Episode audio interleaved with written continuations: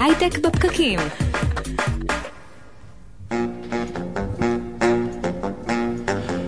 צהריים טובים, יום חמישי, 13 בפברואר, 102 FM, אנחנו הייטק בפקקים.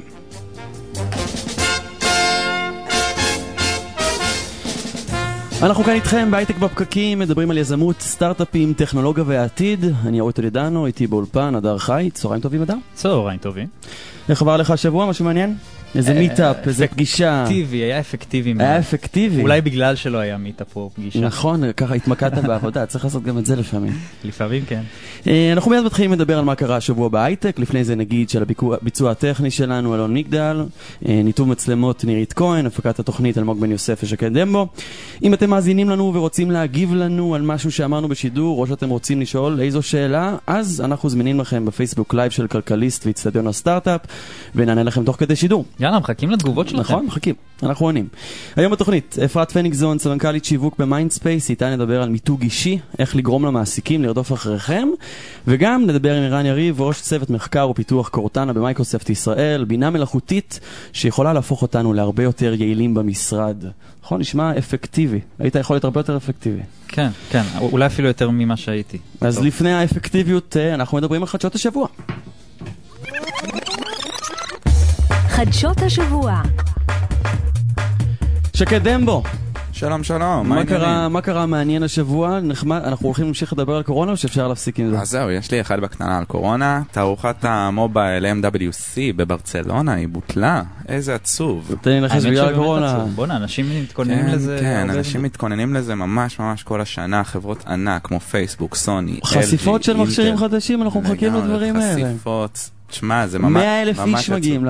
ל- כן, וזה שנה. בדיוק העניין, 100 אלף איש, מקום מרוכז, כל החברות שולחות את העובדים שלהם, כולם מתים מפחד, אז גם, אה, גם חברות, כל החברות האלה פשוט ביטלו דקה 90, אמרו שהן לא יכולות להגיע, הן לא רוצות לשלוח את העובדים. נכון. מוצדק לדעתך? מוצדק מאוד, אין מה לעשות, אתה צריך להתמודד עם זה שיש לנו איזשהו סוג של אה, מגפה. נכון. כן, כן, מעבר לזה יש לנו את וואוי. וואוי יכולה לחדור לרשתות סלולריות, אתם שמעתם את הדבר המזעזע הזה?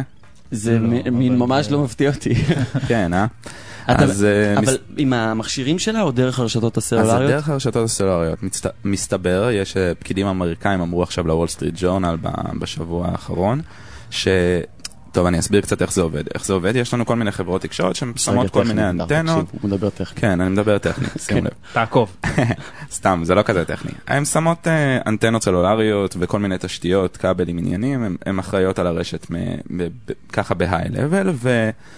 בהיי-לבל, ותמיד בכל המדינות האלה, לפי התקנות של המדינה, הם צריכים לתת איזושהי דלת אחורית כדי לפרוץ לרשת הזאת בעצם ולהיות יכול להאזין לרשת הסלולרית בשביל רשויות חוק. אני רואה את אורי כבר נבהל, היה לא, לו ממש לא פרצוף נבהל. נבהלתי. אה, אוקיי. לגיטימי ו- ו- ומעולה ושומר עלינו גם, כן. כן, אה, אה, שנוי במחלוקת. אפשר לעשות איזה שימוש. לרעה כמובן, אבל כן. כן, ראינו נטפליקס יותר מדי בזמן האחרון. קיצר, אז, אה, אז כן, אז הם אה, נותנות את הדלת האחורית הזאת, ומסתבר שלוואוי יש איזה סוג של פרצה שהיא יכולה להיכנס לדלת האחורית הזאת כבר הרבה מאוד זמן. הפקידים האמריקאים אמרו שלטענתם וואוי כבר מעל לעשור יכולה לעשות את הדבר הזה. כמובן, כמובן שהיא מכחישה הכל, היא אומרת שהיא לא קשורה, היא בקושי, היא לא אומרת שהיא לא ידעה על זה, דרך אגב, שזה מעניין.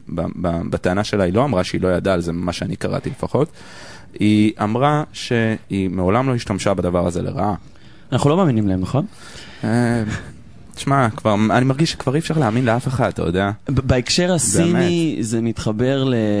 צריך להגיד שכל חברה שיש לה מפעלים בסין בעצם מחויבת על פי חוק לתת לממשל הסיני גישה אה, לפס הייצור שלה. אה, חלק מהמדיניות של סין היא לאסוף כמה שיותר מידע. לפני כמה שנים אגב מצאו משלוח של קומקומים שמחובר להם מיקרופון ווי-פיי. Oh my God. במחשבה שיוכלו להאזין אה, בעצם מכל משרד לשיחות שמתנהלות ליד הקומקומים.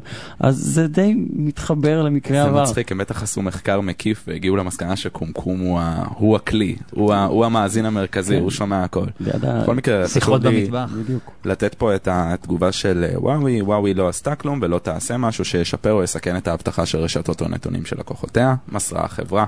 אנחנו דוחים בתוקף את ההאשמות הללו, שוב, האשמות חסרות בסיס, מושמעות שוב ושוב ללא הצגת ראיות קונקרטיות כלשהן. תגובת וואוי. כן, תגובת וואוי. Uh, הערעור של אובר כנגד חוק AB5. על זה אנחנו גם צריכים לדבר, הוא נדחה. אז uh, אנחנו מכירים את הסיפור של החוק של AB5, זה משהו שאנחנו עוד שמענו אותו מ... לא יודע, ספטמבר בערך שעבר. ספר לנו רגע רקע קצר. Um, אז הרקע הקצר הוא כזה, יש איזה חוק מסוים, יש מודלים של, ה...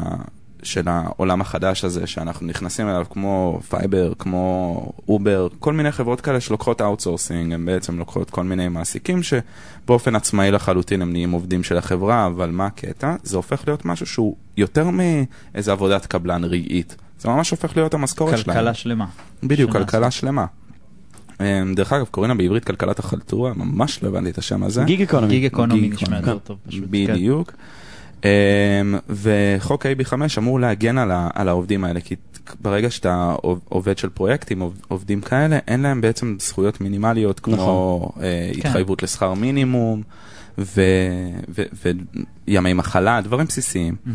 אז החוק במטרתו, במטרת העל שלו, אמור להגן על העובדים האלה. הבעיה זה שהוא, הוא, לא יודע, אני, אני אומר הבעיה, אבל חשוב לציין, זו דעתי האישית, ו...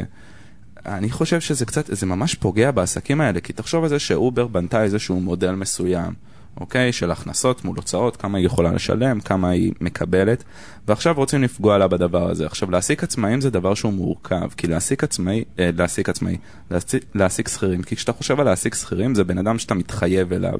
אתה אומר, הוא הבן אדם שלי. אתה צריך גם לשלם לו כל מיני זכויות סוציאליות נוספות שבעצם... בדיוק. כחלק מהגיג אקונומי לא צריך לשלם. אתה לא יכול להעסיק אלפי עובדים בצורה כזאת, אתה צריך לברור אותם, אתה צריך להחליט איזה עובדים הם יותר טובים, שאתה רוצה להעסיק אותם כעובדים שלך ואיזה לא, אתה לא יכול להעסיק פר פרויקט. זה קצת סוג של משהו שקשור לכלכלה השיתופית, זה בעצם המודל העבודה החדש הזה. כן, אפשר כן. גם לקחת לדוגמה את וולט בארץ, הם מעסיקים כעצמאים. לגמרי, זה אותו רעיון. ואם נפלתי ונפצעתי מהאופניים, מי ישלם לי את הפיצויים בסופו של דבר? זה מתגלגל על משלם המיסים, וזה גם ההיגיון שבלשמור ולעשות את החוק הזה, לשמור על משלם המיסים. נכון, שיש לזה היגיון. נכון, אני לא אומר שלא. מה שאבסורד פה זה שהעובדים בעצמם לא רוצים את החקיקה הזאת, אז בעצם בא המחוקק, אה, שם איזשהו חיץ בין החברה לבין ה... כן. העובד ואומר, אוקיי, זה, זה לא חוקי ואני הולכת uh, לשים פה רגולציה, זה ניר, איזשהו אבסורד. נירית שלנו הגדירה את זה מצוין, היא אומרת שמה ש, שבעצם קורה פה זה שהעולם החדש הזה, שעם, עם המודלים החדשים, הממשלות, במקום לנסות לדחוף אנשים למודלים, ל, ל, כאילו, זה מה שהם עושים זה הם בעצם דוחפים אנשים למודלים ישנים, למודלים השכירים, מה שאנחנו כולנו מכירים, במקום למצוא איזה שהם פתרונות שיתלבשו מעל המודלים החדשים האלה וידעו להגן גם על, גם על אנשים כאלה. תחשוב על חקיקה בסגנון של בן אדם שעבד כך וכך שעות, יש לו זכויות סוציאליות ל, ל, לחודש הזה או, ל, או למה שלא יהיה. הוא בעצם צובר בצורה כלשהי. קיצר צריך למצוא לזה איזשהו פתרון. אמ, לגמרי, אה, עצמאים, אה, אנחנו רואים פה בארץ את מחאת השולמנים, מחאה שאני גם עצמאי ואני מרגיש כן. שהיא מוצדקת מאוד. אה, כן, צריך פשוט למצוא חקיקה קצת יותר שמגינה על עצמאים. לגמרי. החוק הזה היה אמור להיכנס בינואר, ובגלל ערעורים של כל מיני חברות, Postmates, Uber, זה נדחה ונדחה, עכשיו זה סוף סוף... זהו, זה נכנס לתוקף. אה, זהו, זה אמור להיכנס לתוקף עכשיו, אני, אני, אנחנו נמשיך אה, לקרוא ולהבין מה קורה עם זה. ומה ההשלכות של זה? תשמעו, ההשלכות של זה כרגע, מה שאנחנו יודעים זה שיהיה לנו איזו עלייה של 20-30 אחוז בשכר של אותם עצמאים. והשאלה האם חברות כמו Uber יצליחו לשרוד? בדיוק, Uber כבר הודיע לעיתונות שהיא תצטרך לקצץ מאוד את ה... את ה את מקבץ הנהגים שלה בקליפורניה, להיות עם פחות שטחים. פחות הולך... נהגים, פחות demand, כי אתה בדיוק. פחות אה, מוצא את הפתרון שלך שם. וכמובן שתחשוב על זה, יש לזה השלכות ארוכות טווח נוראיות, כי אם חברה כמו Uber, שאתה בעצם מסתמך עליה לתח... לתחבורה שלך, אם אתה כבר לא יכול בדיוק להסתמך עליה, כי יש פחות נהגים ואתה לא יכול ממש לסמוך עליה, אתה תפסיק להשתמש נכון. בה, יאבדו לקוחות. בדיוק. זה מאוד בעייתי, קיצר. תודה רבה, אה, שקד דמבו, חדשות השבוע, משהו מעניין נוסף שקורה לנו השבוע, הדר? כן, אז אה, קודם כל אה, לכל אלה שנמצאים באאוקרות ששומעים אותנו, אז אה, דש.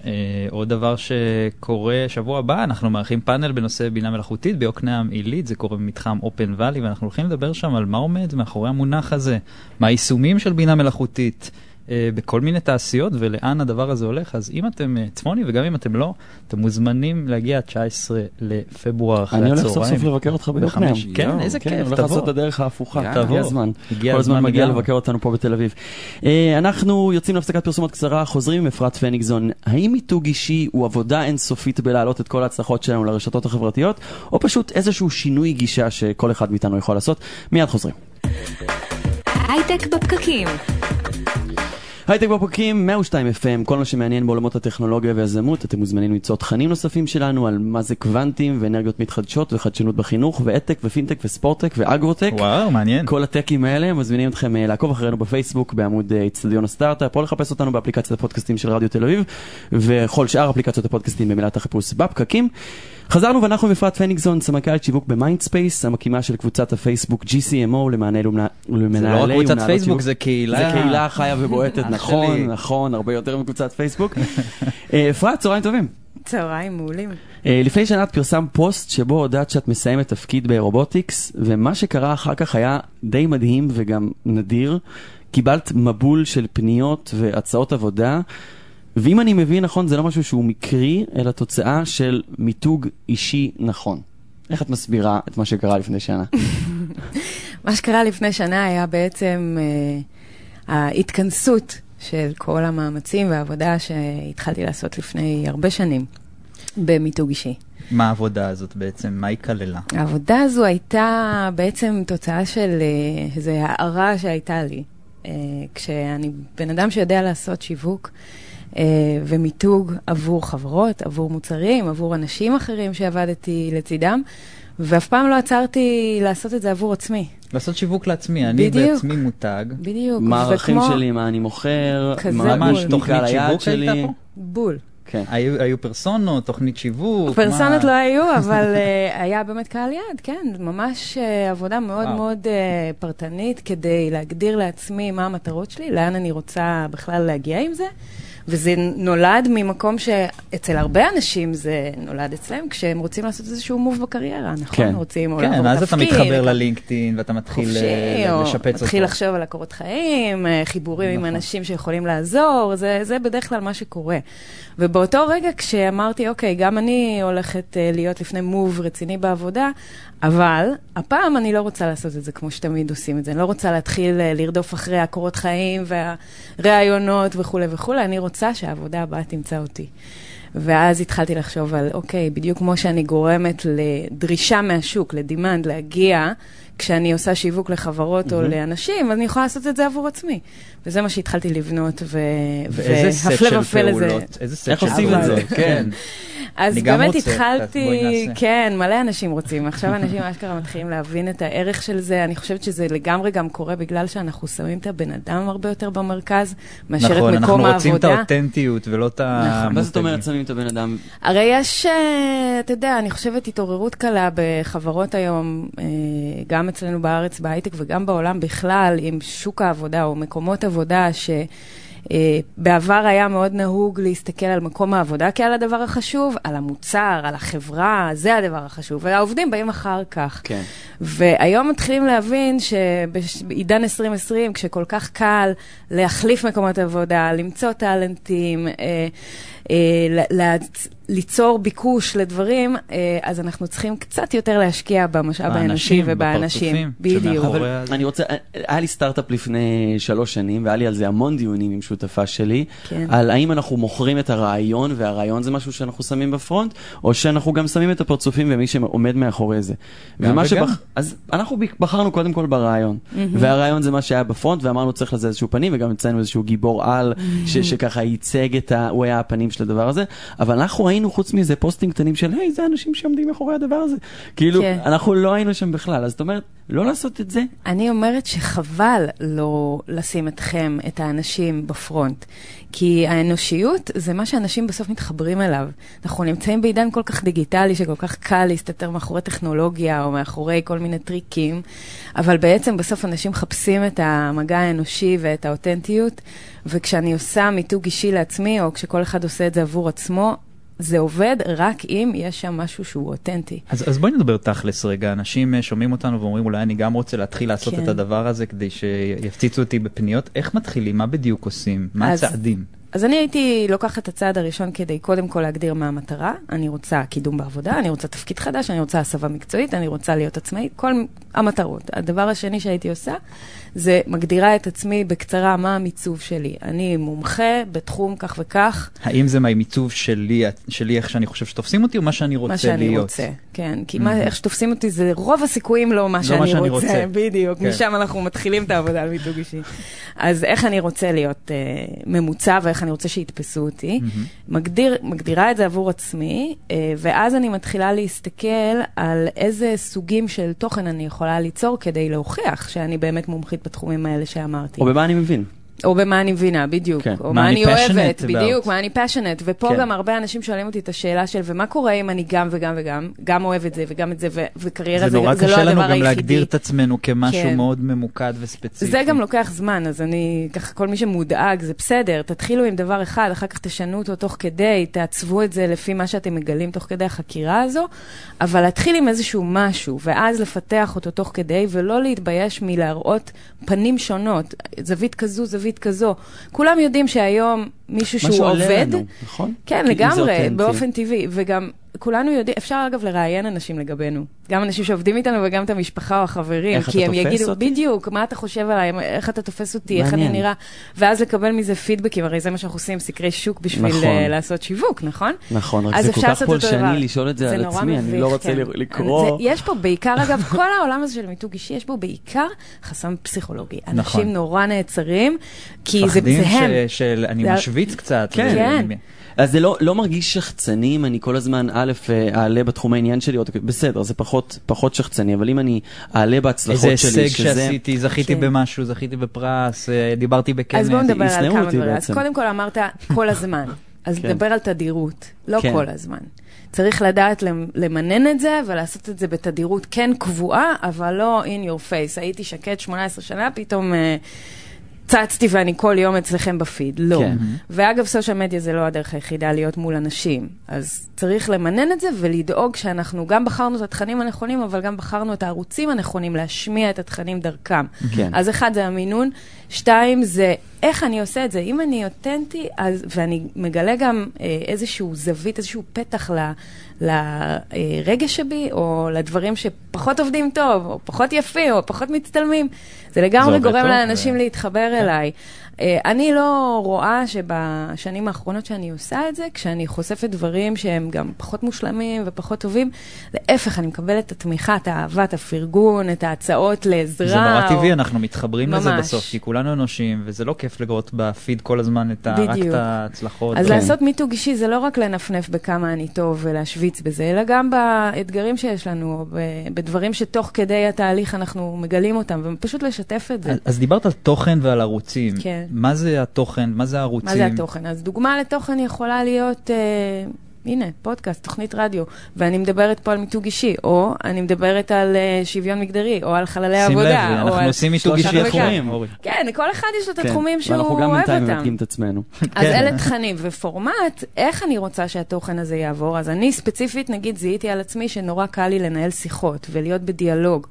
אה, הרבה יותר קל לי מאשר כתיבה של תוכן ארוך. יש אנשים שמצוינים בכתיבה, אז שילכו ויעשו את זה דרך כתיבה ויפיצו זאת את זה אומרת, ב- להבין בבלוג, איזה נגיד. סוג של תוכן גם. מתאים לנו. וגם מה. נוח לי, נורא חשוב. במיתוג אישי להיות במקום. נוח, כן. אם נעשה דברים שהם מאולצים, כי כולם עושים פייס בפייסבוק, אה, פוסט בפייסבוק, או כולם עושים זה, סטורי, אז- אז זה יהיה זה מאולץ, לגמרי, זה. צריך באמת להתחבר למקומות שנכונים לנו. שאלת המיליון הדולר מבחינתי היא שאלת ההתמדה. אני הרבה פעמים אומר, אוקיי, אני... אני אעשה את הדבר זה. הזה חשוב. כן, אני יוצא מהרעיון עם אפרת, זה ואני. הולך למתג את עצמי למתג, אני עכשיו. אחתחזק את הלינקדאין שלי שנראה רע. אני הולך לעשות את זה. אני חושב שהשאלה המאוד מעניינת היא איך מתמידים. נשמע על זה מיד פרסומת אחת ואנחנו חוזרים. פרסומת זהב. הייטק בפקקים, אנחנו עם אפרת פניגזון. שאלתי אותך לפני הפרסומת הזו, איך אנחנו מתמידים? איך מתמידים בלעשות מיתוג אישי מוצלח, בלהמשיך להעלות את הפוסטים האותנטיים, זה, זה עבודה, זה, זה חצי משרה לתחזק את הדבר הזה. ואז אני לא אעשה כלום, אני רק אעלה את זה לסושיאל כל הזמן. ואז לא יהיה לך מיתוג אישי. ואז לא יהיה לי, איזה מין... זה סייקל כן, קשוח. כן, סייקל לא טוב. לגמרי. אני מציעה לשים לזה בתחילת הדרך שעה או שעתיים בשבוע ביומן ולהתייחס לזה כמו כל משימה אחרת, אשכרה חדר כושר. אנחנו מאמצים רגע את השריר שאנחנו לא רגילים לאמץ כאילו אותו. קבענו פגישה עם מישהו, לא להזיז את בדיוק, זה. לשים את השעתיים האלה בשבוע בהתחלה, להשקיע בזה, אפילו בהתחלה אם אפשר יותר אז יותר. אחר כך אפשר להוריד את זה לשעה בשבוע, ובשעה הזו מתעסקים רק עם זה.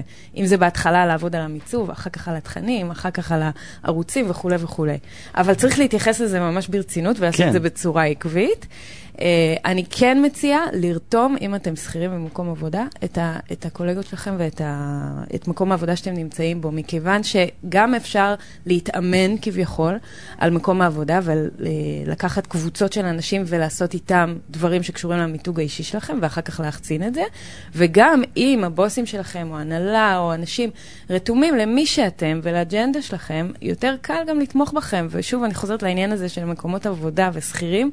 אה, גם עשינו איזשהו סקר ב Mindspace של 6,000 איש אה, בשבע מדינות, ובדקנו את מדד האושר ואיפה אנשים מאושרים במקום עבודה. היום אנשים מאושרים במקומות עבודה שמעריכים את מי שהם כבן אדם, ונותנים להם חופש יצירתי. כמובן שיש עוד מלא פקטורים שמשפיעים על אושר במקום העבודה, אבל אחד מהם זה באמת לשים את הבן אדם במרכז.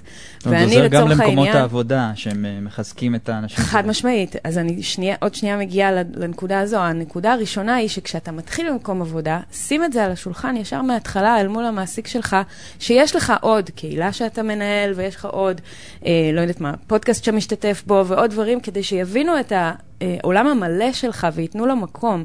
והיום, מקומות עבודה שמגייסים טאלנטים, מתייחסים קהל. לזה ככה, ככה תופסים טאלנטים שמתייחסים לכל החיים שלהם כמכלול ולא רק למה שהם עושים בתפקיד שלהם, וככה מעצימים אותם וגורמים להם להישאר במקום עבודה, וכמו שאתה אומר, אם המותג האישי של הבן אדם הופך להיות משמעותי וחזק, ויש לו נוכחות דיגיטלית טובה, ויש לו נוכחות בכלל בקהילה טובה, זה מאוד מאוד מקרין חזרה בצורה חיובית על המותג של החברה או המוצר, כן, ולכן זה ווין ווין לשניהם. אנשים יגידו, זה לא, ב...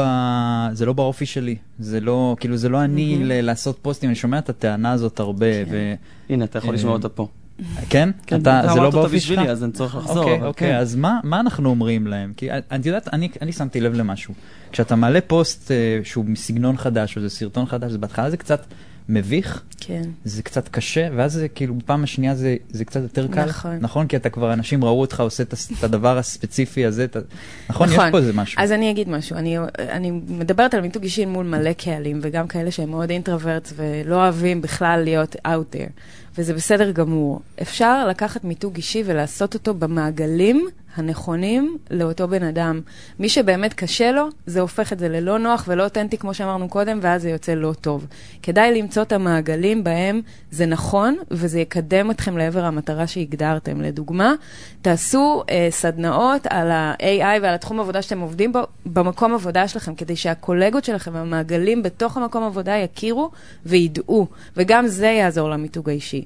או תבחרו קבוצה אחרת, קהילה אחרת. אגב, קהילות וחיבורים זה עוד כלי משוגע שעוזר. נכון. אז אל תעשו מיתוג אישי בפייסבוק או, ב, או באינסטגרם, תעשו את זה במקומות שנוח לכם, שמתאים לכם, שיקדם את המטרות שלכם. אם אנחנו עכשיו נמצאים בקהילה של אנשי הייטק, תמצאו את הקהילה הנכונה, ויש, אתם יודעים, מאות כאלה. כל יום יש איזשהו מיטאפ, תתחברו, תתנדבו, תיתנו מה, מהידע שלכם ותשתפו. בחינם, אגב, זה בסדר, כן. אחר כך אתם רוצים בתשלום, אפשר. אבל תמצבו את עצמכם בתור אותו מומחה שאתם אומרים, איפה שנוח לכם, כדי שאותה קהילה רלוונטית עם קהל היעד הרלוונטי שלכם יכיר אתכם וידע. יותר הזדמנות יבואו אליכם. לגמרי, מיתוג אישי, איך להפוך אה, את עצמנו קצת לעסק שמכירים ויש לו מותג טוב שרוצים גם להעסיק. אפרת פניגזון, סמנכ"לית שיווק ב Mindspace, תודה רבה. תודה לכם. אנחנו מיד חוזרים עם ערן יריב, ראש צוות מחקר ופיתוח Cortana ב Microsoft ישראל, על איך בינה מלאכותית יכולה להפוך אותנו ליעילים יותר במשרד. אנחנו לגמרי צריכים את זה. הייטק בפקקים. הייטק בפקקים 102 FM רדיו תל אביב, איתכם בימי חמישי, מ-12 ועד 1, ובכל רגע נתון באפליקציות הפודקאסטים של רדיו תל אביב. אנחנו תמיד שם, אנחנו נכון, תמיד שם, נכון, עכשיו אנחנו תמיד. שם. אתה, אתה רוצה לעלות, אז אתה עולה. אז שם אתם מחפשים אותנו, כל אפליקציות הפודקאסטים במילת החיפוש בפקקים. אנחנו עם ערן יריב, ראש צוות מחקר ופיתוח ב Cortana, Microsoft ישראל. קודם כל, מזל טוב על מנכ"לית חדשה, מיכל ברוורמן בלומנשטיק, שנכנסת לתפקיד מנכ"לית מייקרוסופט ישראל מחקר ופיתוח. תודה, תודה. מזל טוב. תודה, אנחנו מאוד שמחים ומאוד מתרגשים. אה, אנחנו פה לדבר על יעילות ועל Cortana. Cortana היא העוזרת האישית של מייקרוסופט שמבוססת בינה מלאכותית. היא אמורה בעצם לעזור לנו לנצל את הזמן שלנו במשרד וגם מחוץ למשרד בצורה יעילה יותר. איך עושים את זה? אז קודם כל Cortana זה לא מוצר, זה מסע. זה מסע. כן. כן. אנחנו נמצאים, אה, הקבוצה קיימת ועוסקת בתחום הזה כבר כמה שנים טובות, כן. אה, ועברנו הרבה מאוד גלגולים, כל התחום עבר הרבה מאוד גלגולים, אה, החל מ...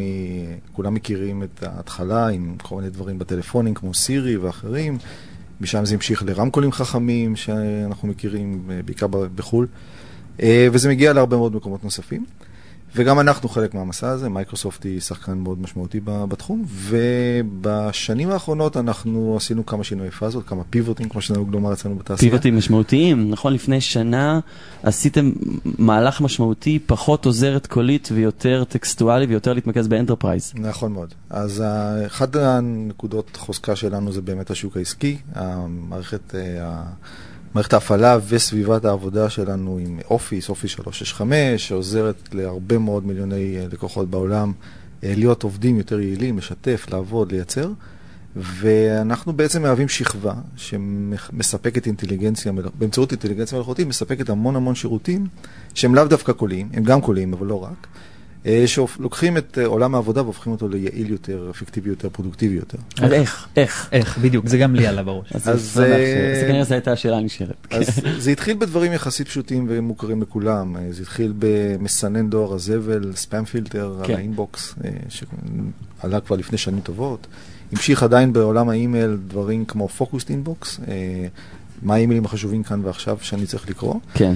אבל זה ממשיך גם להמון דברים אחרים. לדוגמה, היכולת לדבר, כן, יש לנו אלמנטים קוליים, לדבר עם אה, מערכות מסוימות, אה, אפליקציית Teams, אפליקציית אה, הקולבורציה המאוד משמעותית שלנו, שהולכת מאוד טוב היום בעולם. בקרוב תקבל גם יכולות קוליות, ואפשר יהיה לדבר אליה ולהגיד לה דברים שיעשו הרבה מאוד דברים שאפשר לעשות ידנית במילה, במשפט. שיתוף קבצים, חיבור לפגישות, לחייג למישהו, לשלוח למישהו הודעה תוך כדי שאני נוהג או הולך ברגל. אותי שוויתם עם היכולת, אה, זה משהו שהוא כבר קיים, אני לא יודע, אה, שאם אני מדבר עם מישהו ורוצה להביא קובץ, אז שהוא ימליץ לי על הקובץ שאני כנראה אביא, נכון? זה משהו נכון ש... מאוד. אז, זה כבר קיים או יקרה? זה קורה וימשיך ויתפתח, זה לא שאנחנו מוציאים משהו ועוברים כן. הלאה. ותיאום פגישות? תיאום פגישות זה גם נקודה מאוד מעניינת. מאוד שם... מציקה למי שמנסה לתאם פגישות. נכון, אז לכולנו יש יומנים וכולנו מתאמים כל היום פגישות עם הרבה אנשים אחרים. כן. ורק למצוא מי, מי פנוי מתי ואיך כן. לזמן את זה, זו עבודה שהיא לא פשוטה. היום העבודה הזו נופלת או על האנשים עצמם או על כל מיני עוזרים ועוזרות למיניהם, אבל היכולת לעשות לזה אוטומציה, היכולת להפעיל את זה בצורה שהיא...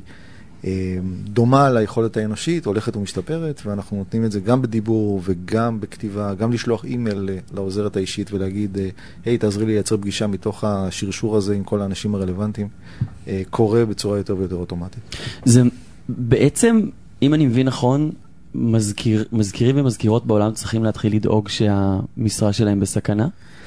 אז מישהו פעם אמר לי, לא לאחרונה, אה, שיש הבדל מאוד משמעותי בין מה שנקרא אה, Administrative Assistant, עוזרת, אה, או עוזר אדמיניסטרטיבי, לבין Executive Administrative Assistant. ה-Administrative Assistant הוא בן אדם שאתה פונה ואומר לו, תעזור לי לתאם פגישה שבוע הבא עם האנשים האלה בנושא הזה, וזה קורה.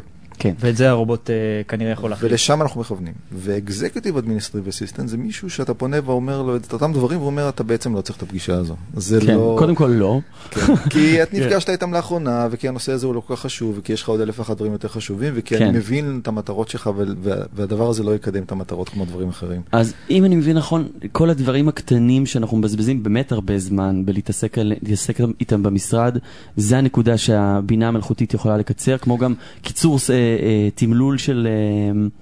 של סיכומי שיחות, נכון? נכון, זה עוד פיצ'ר. אז עוד, עוד פיצ'ר מאוד מעניין, שוב, כמו שאמרתי, Teams הוא מוצר כן. אה, שהוא למעשה כמו סקייפ ארגוני. הרבה מאוד פגישות עבודה, גם בטלפונית וגם בווידאו, קורות היום מעל Teams. אה, ויש לנו יכולות חדשות שמאפשרות לתמלל, לקבל תמלול בזמן אמת של מי אמר מה. כן. ו...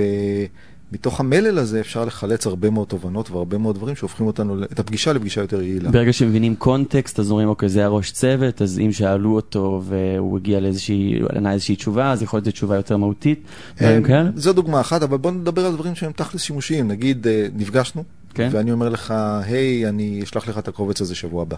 מהמם. אמרתי, אז מה? רוב הפגישות היום הן ללא סיכום. בלי action items. כן. בדיוק, ואנחנו מסוגלים לקחת את המלל הזה ולזהות שאמרתי משהו, להפוך את זה לאקשן אייטם שמגיע אליי במייל או בדרכים אחרות אחרי הפגישה, ולעזור לי להיות יותר אחראי לדברים שאני אומר, או לראות כן. שכולם אחראים יותר לכל הדברים שנאמרו. או בוא נגיד שיצרנו החלטה. קיבלנו החלטה בפגישה, אמרנו, קיבלנו את ההחלטה הזו והזו. אם מישהו לא רושם אותה ברגע זה ומפרסם אותה, היא נופלת על הרצפה, ואף אחד נכון, לא יש זוכר. לנו הרבה מה ללמוד בזה נכון. בצוות הייטק הרבה- בפקקים, הרבה החלטות? שמתקבלות. אנחנו גם מקבלים החלטות טובות. שקורות, לא, החלטות מעולות, אה, הן פשוט החלטות לא. לא קורה איתן כלום. בדיוק, אז לקחת דברים, לקחת פגישות ולהפוך אותן לפגישות אפקטיביות, שאפשר להמשיך את העבודה מהן לדברים יותר יעילים, זו, זו הכ- הכוונה, ולאו לאו דווקא מידע אינפורמטיבי סביב הפגישה. השאלה, אז לדוגמה, כשמגיע אליי דואר ספאם והוא הולך לדואר, אז הבינה המלאכותית או, או איזשהו ניסיון עבר מלמד שאני לא צריך לקרוא את זה, וזה חוסך ממני את ההודעה שזכיתי במיליון דולר, ו- ואם אני רק אלחץ כאן, כדוגמה. הנסיך הניגרי. כן. אמ, אבל איפה זה, איפה עובר הגבול שבו הבינה המלאכותית כבר ממש משאירה אותי מחוץ לקבלת ההחלטות?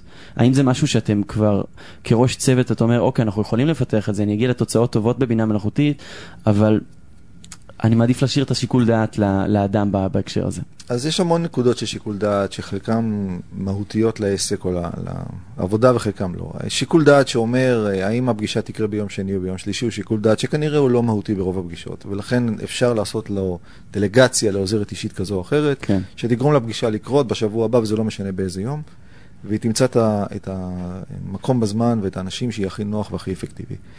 אה, החלטות עסקיות של אה, משאבים, של תוכניות, של תכנון ארוך טווח, אה, דברים שהם אסטרטגיים יותר, אה, אנחנו עדיין לא שם. גם או לא... פשוט מערכות אחרות של בינה מלאכותית. אז אולי כן, אולי כן.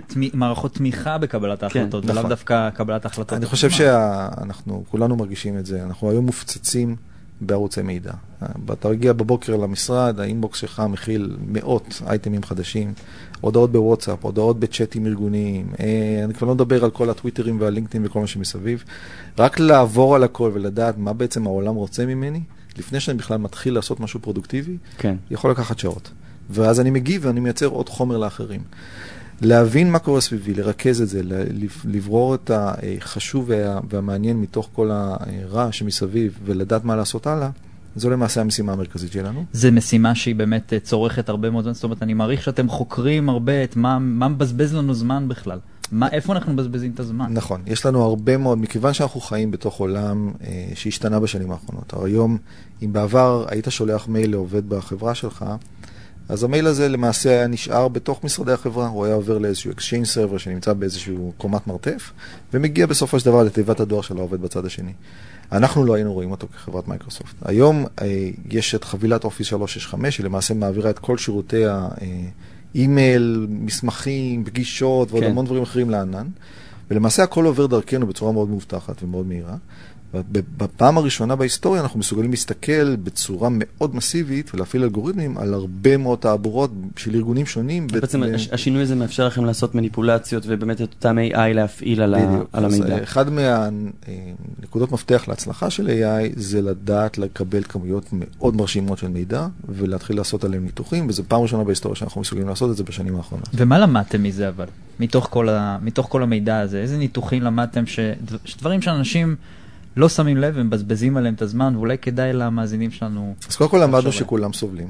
התחושה שלכם ושלי כן, ושל אחרים כן. היא, היא, היא כללית. כולנו מוצפים במידע וכולנו כל הזמן נמצאים במצב שהשמיכה קצרה מדי. אני, אם אני אשקיע במשהו אחד, דברים אחרים יפלו על הרצפה. כן. אה, ושנית, אנחנו מבלים אחוז לא פרופורציוני של הזמן שלנו באדמיניסטרציה ולוגיסטיקה מטופשת. מישהו שולח לי הודעה, אני שולח לו תודה.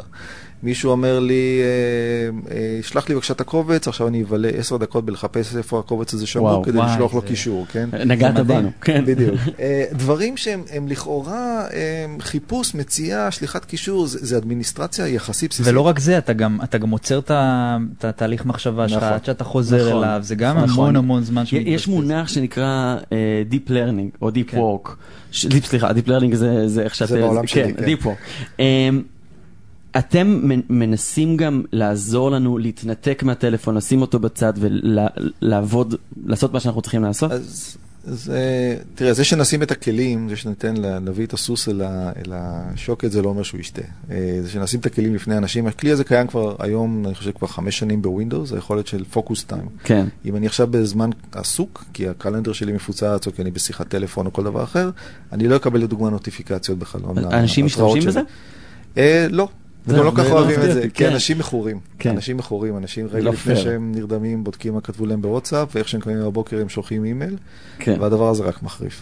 השאלה, אז בוא נגיד שאת כל האדמיניסטרציה, עניין של כמה שנים ואנחנו נצליח אה, לתת למכונות לעשות את זה בצורה הרבה יותר יעילה עבורנו, ונהיה יעילים יותר, כמובן לא נרגיש שאנחנו יעילים, כי זה כאמור תמיד איזושהי הרגשה שיש לנו, כן. אבל נהיה יעילים יותר. מה זה להיות יעילים? זה, זה להיות, זה משהו שיוצא לך לחשוב עליו כראש כן, צוות? אנחנו מודדים את זה אפילו. זאת אומרת, אה, לדוגמה, אתן לך דוגמה לפיצ'ר שאנחנו מוציאים. Teams הוא מערכת הצ'אט, הוואטסאפ הארגוני, כן, כן. יש קבוצות ואנשים ויש מאות מיליוני הודעות שנשלחות ביום. אה, אם אתה שולח לי הודעה וכתוב שם, אה, אהלן ערן, מה נשמע? אז היום אני צריך לכתוב לך, הכל בסדר, איך אצלך. אבל היום אנחנו מוציאים פיצ'ר חדש שמאפשר לי בלחיצת כפתור לבחור מבין שלוש אפשרויות של תשובה שאני כנראה הייתי עונה. כן. אה, זה חוסך לי כמה שניות של הקלדה, במיוחד על מקלדת אה, קטנה ולא נוחה בטלפון, אה, והופך את השיחה בינינו לקצת יותר זורמת, קצת יותר מהמם. קולחת. אה, זו דוגמה מאוד מאוד פשוטה, אפשר כמובן לקחת אותה לכיוונים הרבה יותר עמוקים. כן, כבר קיימת. היא קיימת והיא הולכת ומשתכללת. בג'ימייל יש... אה, כן. בג'ימייל, בלינקדאין, בהרבה מאוד מקומות אחרים, נכון, כן. וזה עובר לעולמות שפחות אימייל, יותר צ'אט. זאת אומרת, תחשבו שבוואטסאפ היה אפשרות לתת את התשובה האוטומטית שנתתי, קחו את זה לעולם העבודה. את כל הדברים האלה אנחנו סוכמים, סוכמים לכמה שניות, כמה הקלדות, כמה דקות חסכנו לאדם במהלך יום, במהלך שעה, במהלך שבוע, אה, ומסתכלים על הדבר הזה בתור כמה עזרנו לו להיות יותר פרודוקטיבי. עכשיו, אני חושב שהשאלה היותר מעניינת זה מה עושים עם כל הזמן הזה שחסכנו. כן. אה, אז תחשוב לדוגמה שמתוך שבוע עבודה של חמישה ימים הצלחנו במצטבר, ושוב, זה, זה הגזמה פראית, אבל זה למעשה המטרה שלנו, לחסוך יום.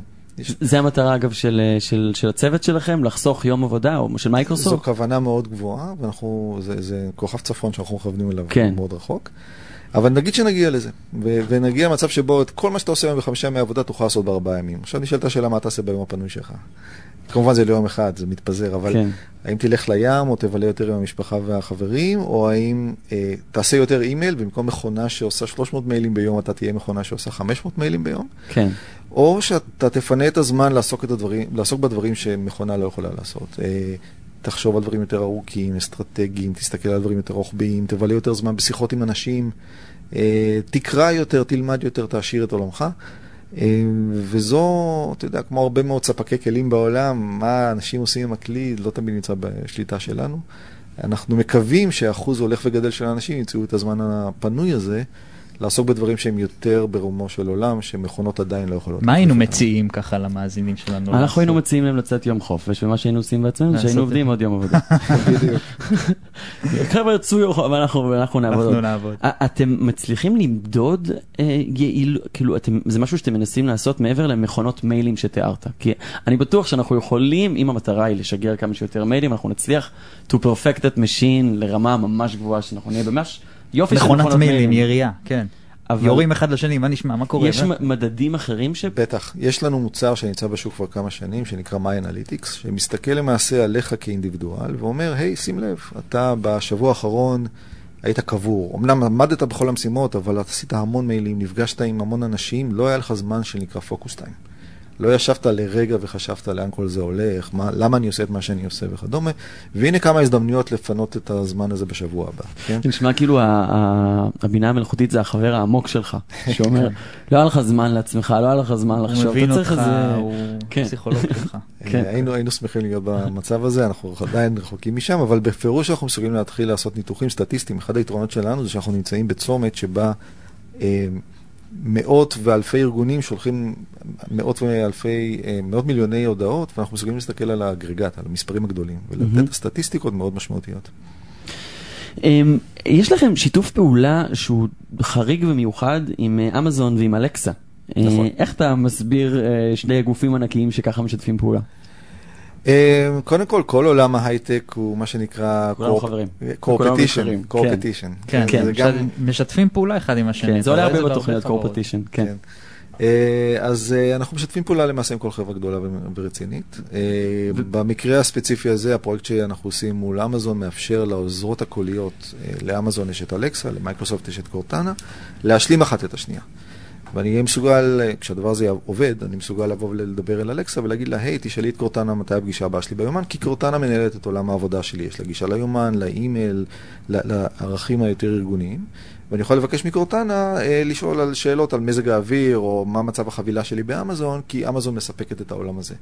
ולמעשה, במקום להתחרות ולריב, אנחנו מצאנו דרך לעבוד בשיתוף פעולה, את זה ששתי העוזרות האישיות אה, ברקע מדברות אחת עם השנייה, ואני יכול להפעיל אותן, אה, לא משנה דרך מי אני פותח. שזה חלק מאותה החלטה של לפני שנה של לעשות אה, מיקוד נוסף ב enterprise נכון, ופחות... נכון, נכון. אנחנו למעשה באופן אסטרטגי לא מתחרים בעוזרה, בעולם שנקרא Digital Personal Assistant, אנחנו לא עוזרת קולית אישית כן. כמו סירי, כמו Google Now, כמו אלכסה. כן. אנחנו ה productivity assistant לעולם העבודה, לעולם של Office 365 או מייקרוסופט 365. ושיווקית, איזה היגיון יש בשיתוף פעולה הזה? בעצם יש יותר אינטרס ליוזרים להשתמש במערכת שלכם, ויותר אינטרס להשתמש גם במערכת שלהם. אחוזים הולכים וגדלים של אה, בתי אב בארה"ב, מערב אירופה, מחזיקים היום רמקולים חכמים בבית. כן. זה אנטרי פוינט שלנו, אין עליו גישה היום. סונוסים שאין לנו בארץ, אבל קיימים. סונוסים, ואקו, וגוגל, כל מיני כאלה. כן. והיכולת שלנו לבוא ולקבל אה, עוד אנשים שמדברים עם השירותים שלנו דרך אותם רמקולים, זה דרך נהדרת לעשות את זה. אני מחכה ליום שנהיה יעילים יותר ושיועצות uh, עם בינה מלאכותית יוכלו לעשות בשבילנו את הדברים ש- שלפעמים אני ממש לא רוצה לעשות.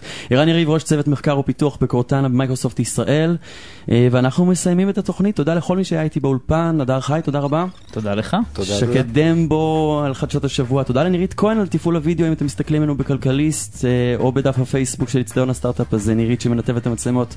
אלמוג בן יוסף, תודה על ההפקה, אלון מגדל, על התפעול הטכני של השידור.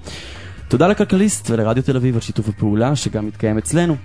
תודה לכם שהאזנתם לנו, סעו בזהירות אם אתם בדרכים, אם הצטרפתם רק בסוף, אל דאגה, תוכלו לשמוע את כל השידור בכל אפליקציות הפודקאסטים, אפליקציית רדיו תל אביב, ספוטיפיי, סאונדקלאוד, iTunes וכל השאר.